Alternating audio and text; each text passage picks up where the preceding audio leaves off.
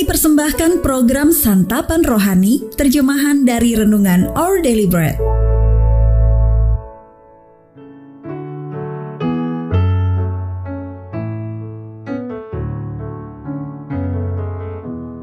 Sahabat ODB, pembacaan Alkitab hari ini terambil dari Mazmur pasal yang ke-103 ayat yang ke-13 sampai dengan ayat yang ke-18. Mazmur pasal yang ke-103 ayat yang ke-13 sampai dengan ayat yang ke-18. Seperti Bapa sayang kepada anak-anaknya, demikian Tuhan sayang kepada orang-orang yang takut akan Dia. Sebab Dia sendiri tahu apa kita, dia ingat bahwa kita ini debu. Adapun manusia, hari-harinya seperti rumput, seperti bunga di padang, demikianlah ia berbunga. Apabila angin melintasinya, maka tidak ada lagi ia, dan tempatnya tidak mengenalnya lagi. Tetapi kasih setia Tuhan dari selama-lamanya sampai selama-lamanya atas orang-orang yang takut akan Dia dan keadilannya bagi anak cucu, bagi orang-orang yang berpegang pada perjanjiannya, dan yang ingat untuk melakukan titahnya. Ayat Mas Renungan hari ini terambil dari Mazmur pasal yang ke-103 ayat yang ke-13. Seperti Bapa sayang kepada anak-anaknya, demikian Tuhan sayang kepada orang-orang yang takut akan dia.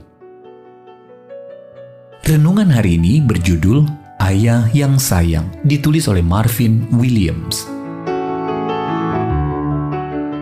Sahabat Toribi setelah Gabriel yang berusia 8 tahun menjalani operasi untuk mengeluarkan tumor dari otaknya, terdapat bekas jahitan yang cukup terlihat pada sisi kepalanya. Waktu bocah itu berkata kepada ayahnya bahwa ia terlihat seperti monster, sang ayah mendapat ide untuk menunjukkan rasa sayangnya kepada anak lelakinya itu. Ia membuat tato pada sisi kepalanya dengan bentuk yang mirip dengan bekas jahitan di kepala Gabriel.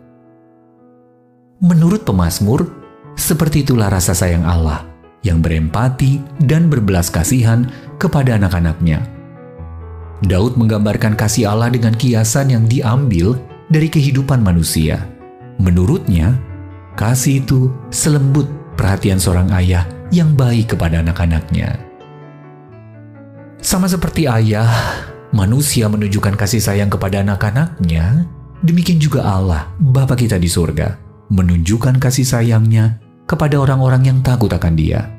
Sebagai Bapa yang penuh kasih sayang, dia turut menyelami apa yang dirasakan oleh umatnya. Ketika kita lemah dan merasa tidak layak dikasihi karena hidup kita penuh celah, kiranya kita menerima dengan iman kasih Bapa Surgawi itu untuk kita. Dia menunjukkan kasih sayangnya dengan jalan mengutus putranya yang kemudian menyerahkan nyawanya untuk kita demi keselamatan kita. Perbuatan Allah tersebut tidak hanya memungkinkan kita mengalami kasihnya kepada kita, tetapi juga membuat kita dapat memandang kepada salib dan melihat bukti kasih itu sendiri. Tidakkah Anda bersuka cita karena memiliki imam besar yang dapat turut merasakan kelemahan-kelemahan kita? Bekas luka-luka di tubuhnya menjadi bukti. Sahabat ODB, bagaimana cara Anda menjembatani kenyataan antara mengetahui Allah mengasihi Anda dan mengalami kasih itu? Lalu apa perasaan Anda saat menyadari imam besar kita yaitu Yesus Kristus dapat ikut merasakan setiap luka yang Anda alami. Bapak Surgawi terima kasih untuk kasih sayangmu kepadaku. Kiranya engkau berkenan memakai bekas luka dan celah di hidupku bagi kemuliaanmu. Our daily bread ministries,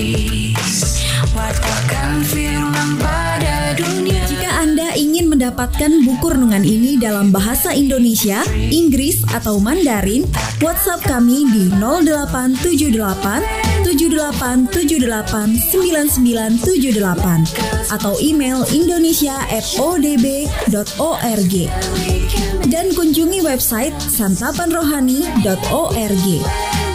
Persembahan kasih dari Anda memampukan All Deliberate Ministries menjangkau orang-orang agar diubahkan. Tuhan memberkati.